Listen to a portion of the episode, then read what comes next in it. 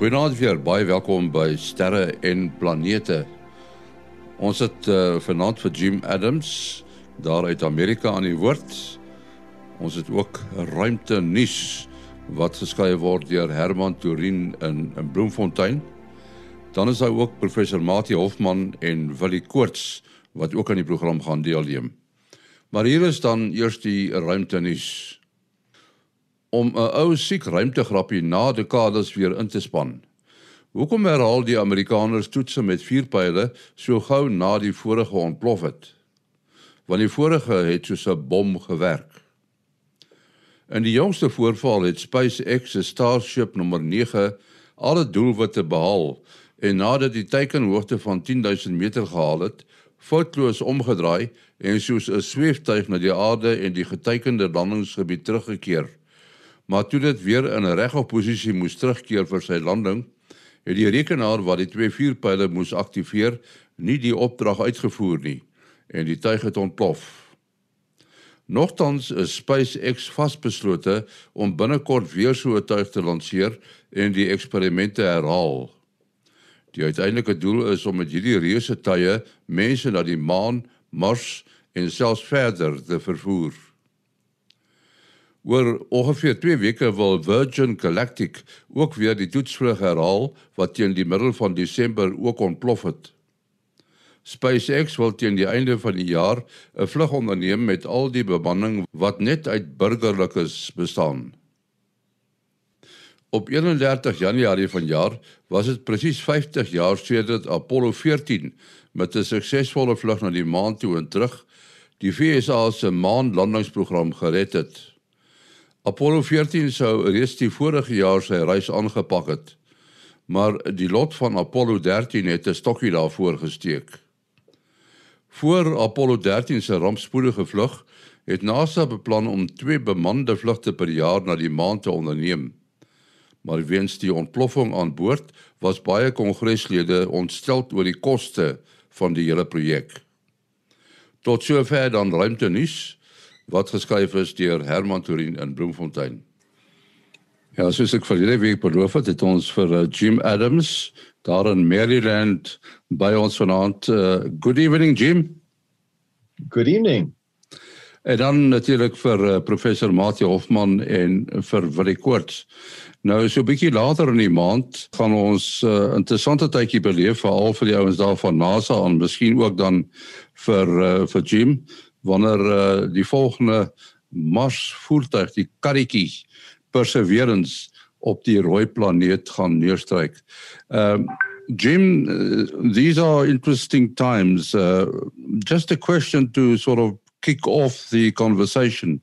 Uh, the landing of Perseverance as opposed to Curiosity's landing is there a big difference? Well the the method of landing is almost identical.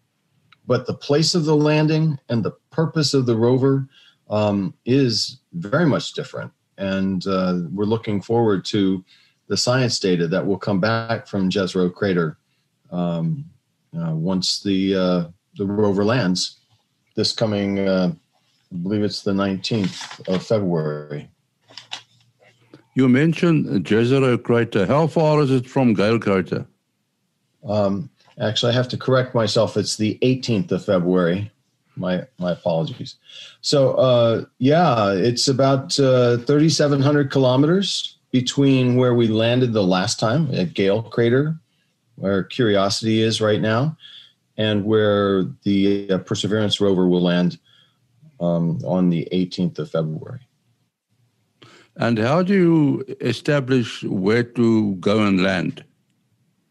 Yeah, so that's a huge uh, undertaking by the scientific community. There scientists around the world are invited to send in targets, uh, places where they think have the most scientific interest.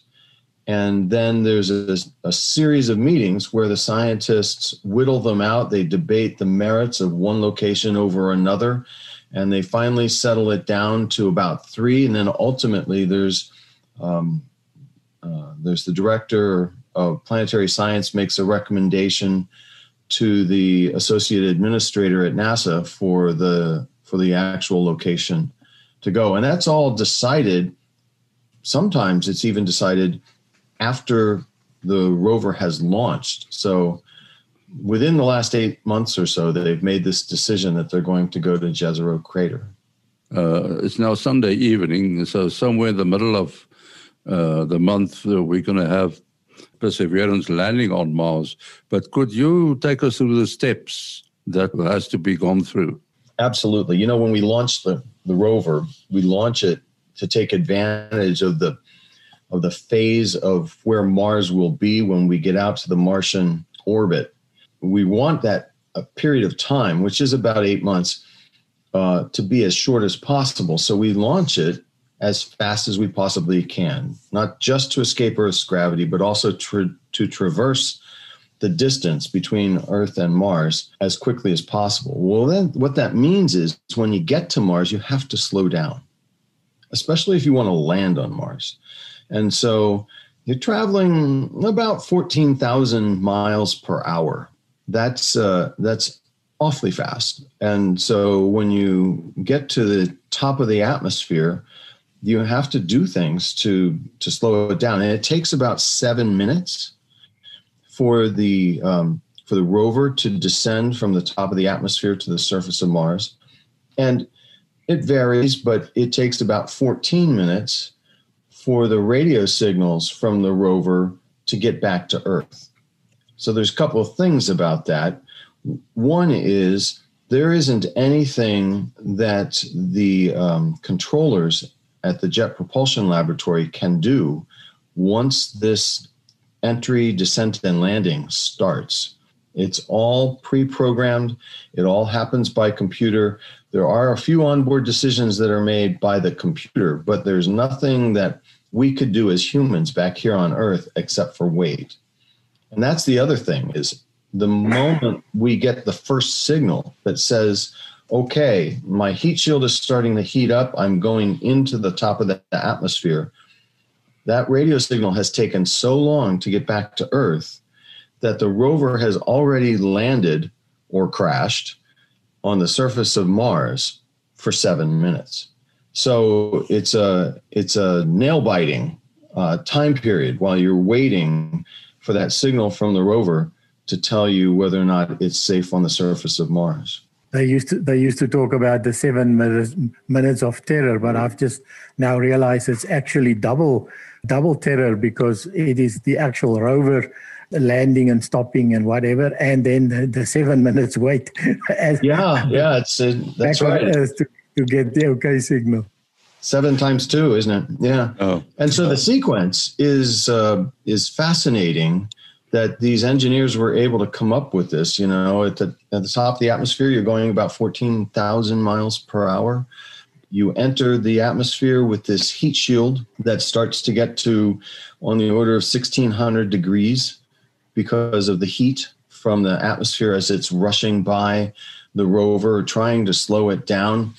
And at some point, you've gotten as much uh, benefit from the heat shield as you possibly can from it, um, from that entry. And so they actually throw off some ballast weights to change the attitude of the um, rover as it's landing, and they deploy a parachute. And this uh, um, supersonic parachute is deployed, and they come down on parachutes as far as they can. After that's done, uh, they've already thrown away the heat shield. They've, they have to cut the parachute off um, to slow it down even further. They come down on rocket engines. And so they release the parachute and the back shell, and then they fire up these rocket engines to come down the rest of the way. And when they're about 20 meters above the surface of Mars, in order to avoid getting dust all over the rover, they lower the rover on a crane from uh, about 20 meters down all the way down to the surface of Mars so that the rocket engines don't blow up a cloud of dust and then just cover the rover over. So, and then once it touches down, then the rover cuts the bridle to the descent stage to the rocket engines, and the rocket engines then fly away and the rover is safe on the on the surface of Mars. It's it really is seven minutes of terror because you know what's going on, what's supposed to be happening, and you have no idea whether or not it's hap- happening correctly. Yes, it sort of ties into a question we have here from a listener, Hendrik Henning. He asks about the uh, the angle of entry into the Earth's atmosphere, but uh, the same applies to uh, the Martian atmosphere. What is the angle of entry into that atmosphere, which is much thinner than that of the Earth? I'm afraid I don't know the exact angle of the entry, but I, what I do know is that they change it during the seven minutes descent because they're constantly trying to uh, reach this balance of getting a little bit of lift from the atmosphere as well as breaking the speed. And so you can imagine you're trying to maybe fly this heat shield and aeroshell, that's the covering over the rover, a little bit like a wing. So you're trying to get a little bit of lift from the heat shield as well as uh, as the braking from from entering the atmosphere as well. So and it varies. So you know you may start a certain um, angle, and then as the atmosphere gets thicker and thicker, and as you start to slow down a little bit more and more, you may change the angle of descent.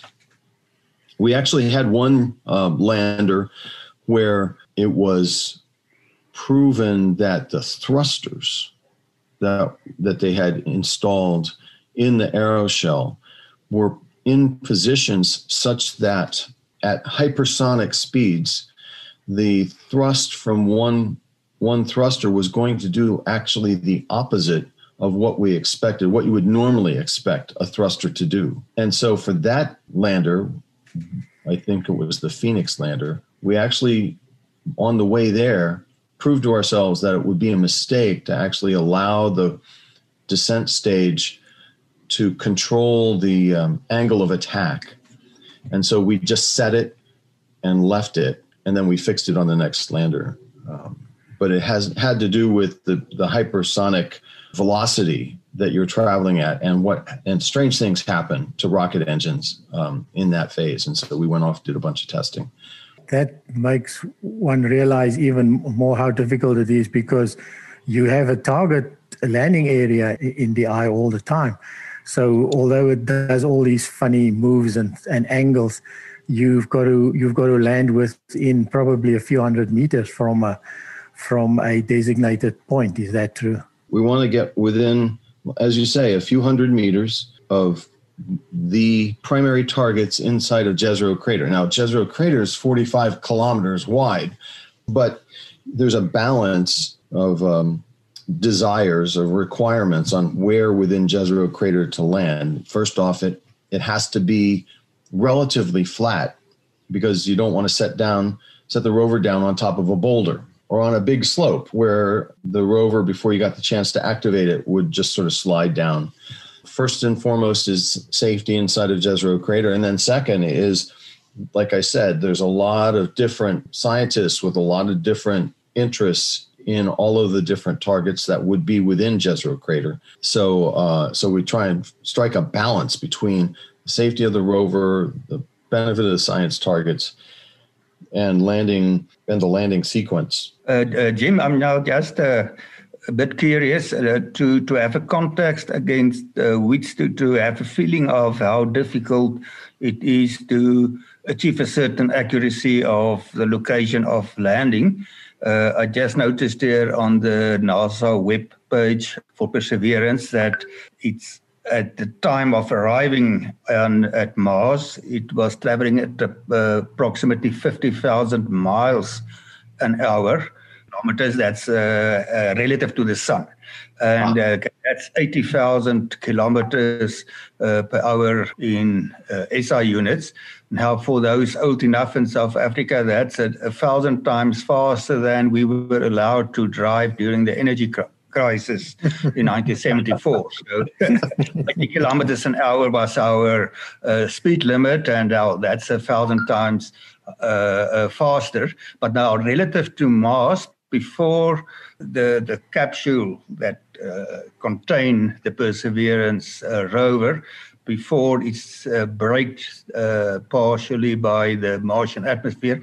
Uh, do you have an idea what's the re- speed relative to Mars? Because Mars itself is moving fast relative to the uh, uh, Earth, but I assume uh, right. it's not a head-on approach; it's a sideways approach, something like approaching from different lanes in almost the same orbit. Yeah. So just like we were talking about, there is an angle of entry that we approach at the top of the atmosphere. And and you have to forgive me, I, I'm remembering 14,000 miles per hour as the velocity relative to the surface of Mars. And so in seven minutes, and it almost doesn't matter because it's just crazy fast, right? You have to go from from that crazy fast speed, 14,000 miles per hour, perhaps, to zero in seven minutes. And that's that's actually the biggest challenge of the whole thing is how do you get this thing slowed down? Uh, uh, jim uh, we spoke about the, the, the, seven minutes of terror. Now now these seven minutes uh, when exactly does it end? Uh, when exactly can the controllers uh, on earth take over again the controllers on earth take over after they get a, a signal from the rover that says, I'm okay. And so um, the last phase, as the rover is is descending on the the uh, sky crane down to the surface of Mars, and it and it touches down on the surface, it has to cut the bridle of the descent stage so that the descent stage flies away and does not land on top of the rover right? So, and only after that bridle is cut does the rover phone home and say, I'm safe. That message, I'm safe, uh, in what way do you people at NASA see it? Is it uh, I'm okay or is it a, a very intricate signal? They detect the uh, the carrier pretty much. Yeah, I'm safe is yeah. sort of a poetic way of putting it, but there's a there's a signal that comes back, and the first thing that they'll t- detect is is the carrier from the radio signal, and then they'll get some modulation, and then they'll get some engineering data and and that sort of thing. So, yeah. oh, and I should say, on the way down, the rover is broadcasting tones. The tone may say that I've deployed the parachute, or there may be a tone that says that the uh, heat shield has been jettisoned. But still, remember, that's 14 minutes after the event actually occurred. And then I guess there's also Doppler shift involved, so they can actually tell how fast it was traveling when it was emitting those signals. Uh, if something goes wrong, then you can figure out what didn't happen, I guess, afterwards. Well, you can attempt to reconstruct what, what went yes. wrong. Yeah. Yeah. And NASA has a policy that says to the maximum extent possible, we should have radio coverage when critical events like this happen so that not so much that we would be able to change something and stop something bad from happening, although we would love to be able to do that, but mm-hmm. so that we could recreate what went wrong. So the next time we went, there yeah. would be uh, fewer problems. Yeah. I, I do want to talk about the technology on board of um, of this mission because it's it's historic. The neat thing about the Mars 2020 mission, which is the same as the Perseverance rover, is that it's a it's a blending of technology that will help enable humans to Mars, as well as technology that will help um, detect um, the signs of possible life on Mars as well as the future of technology for making both robots and humans on Mars life easier. So, um, so we already talked a little bit about the science. There's going to be a suite of instruments that will detect um, signs of life. Go, laying down in um, Jezero crater near the a river delta is a place where, if there ever was uh, life on Mars, microbial life, that we ought to be able to find signs of it there. If you, anywhere you go on Earth, if you look um, in in standing water or even flowing water you find life. And so the idea is that Mars may have left signals of life that once existed in this crater because at one point in time it was filled with water. There's an input, there's an inlet, and there's an outlet. There's a, a river delta. It's uh, just a fantastic place to look for signs of former life on Mars. The other thing that the rover is carrying is a, is a little tiny experiment called MOXIE, and it is going to harvest carbon dioxide from the Martian atmosphere and separate the carbon from the oxygen and make oxygen on the surface of Mars. And that's really important because when we take humans to Mars, they will take with them, or we will send ahead of them, a rocket necessary uh, so that they could return. So remember, you get the get the humans down on the surface of Mars, they have to come back. Well, we would like to be able to make rocket fuel on the surface of Mars so that we don't have to carry it all the way from Earth to Mars so that then the the astronauts can come back. And this is the first step in demonstrating that that just might be possible.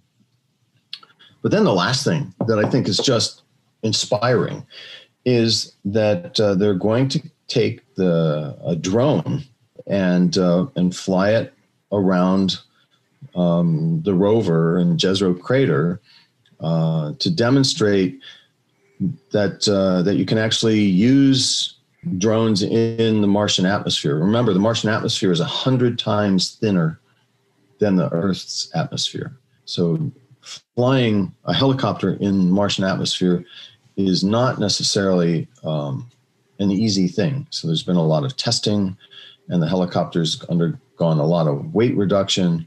The whole thing weighs about 1.8 kilograms, but uh, but it will be the first time that we've flown uh, in an atmosphere on any other planet than Earth. Wasn't Japie yeah, very much involved with that? Yeah, it was one of the things that he helped. One of the ideas that he helped foster as uh, as we were setting the requirements for this mission. Will the Perseverance land close enough to the river delta so that it will be within reach of the helicopter?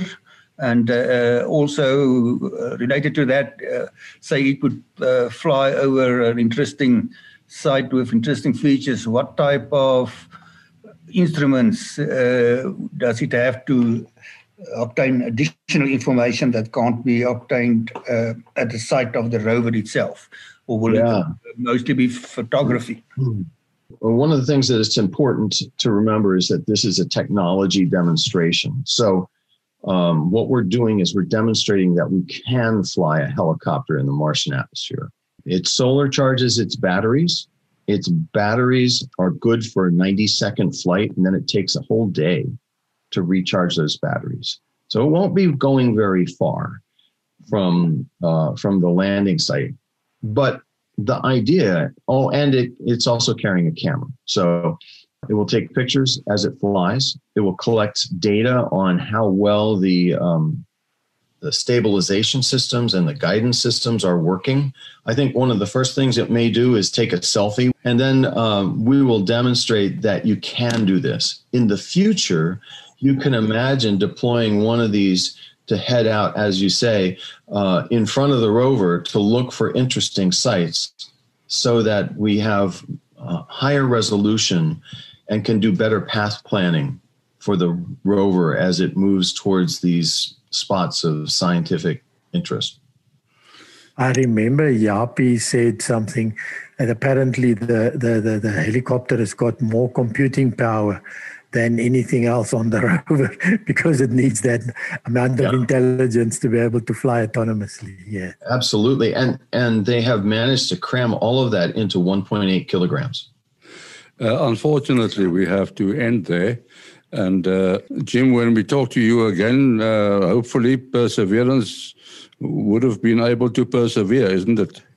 Yeah, yeah. So February 18th, it starts at uh, the the tele, the coverage starts at 2.15 eastern time which would be what is that 14 and 7 is 21.15 south african time and they can uh, tune in to www.nasa.gov slash NTV.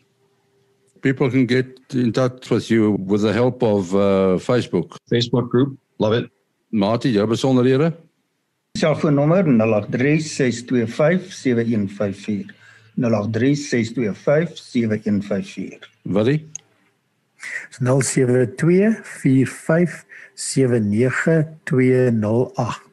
0724579208. En dan die program se e-posadres sterreplanete by gmail.com. Sterreplanete by gmail.com. Volgende week praat ons verder. Tot dan. Mooi loop.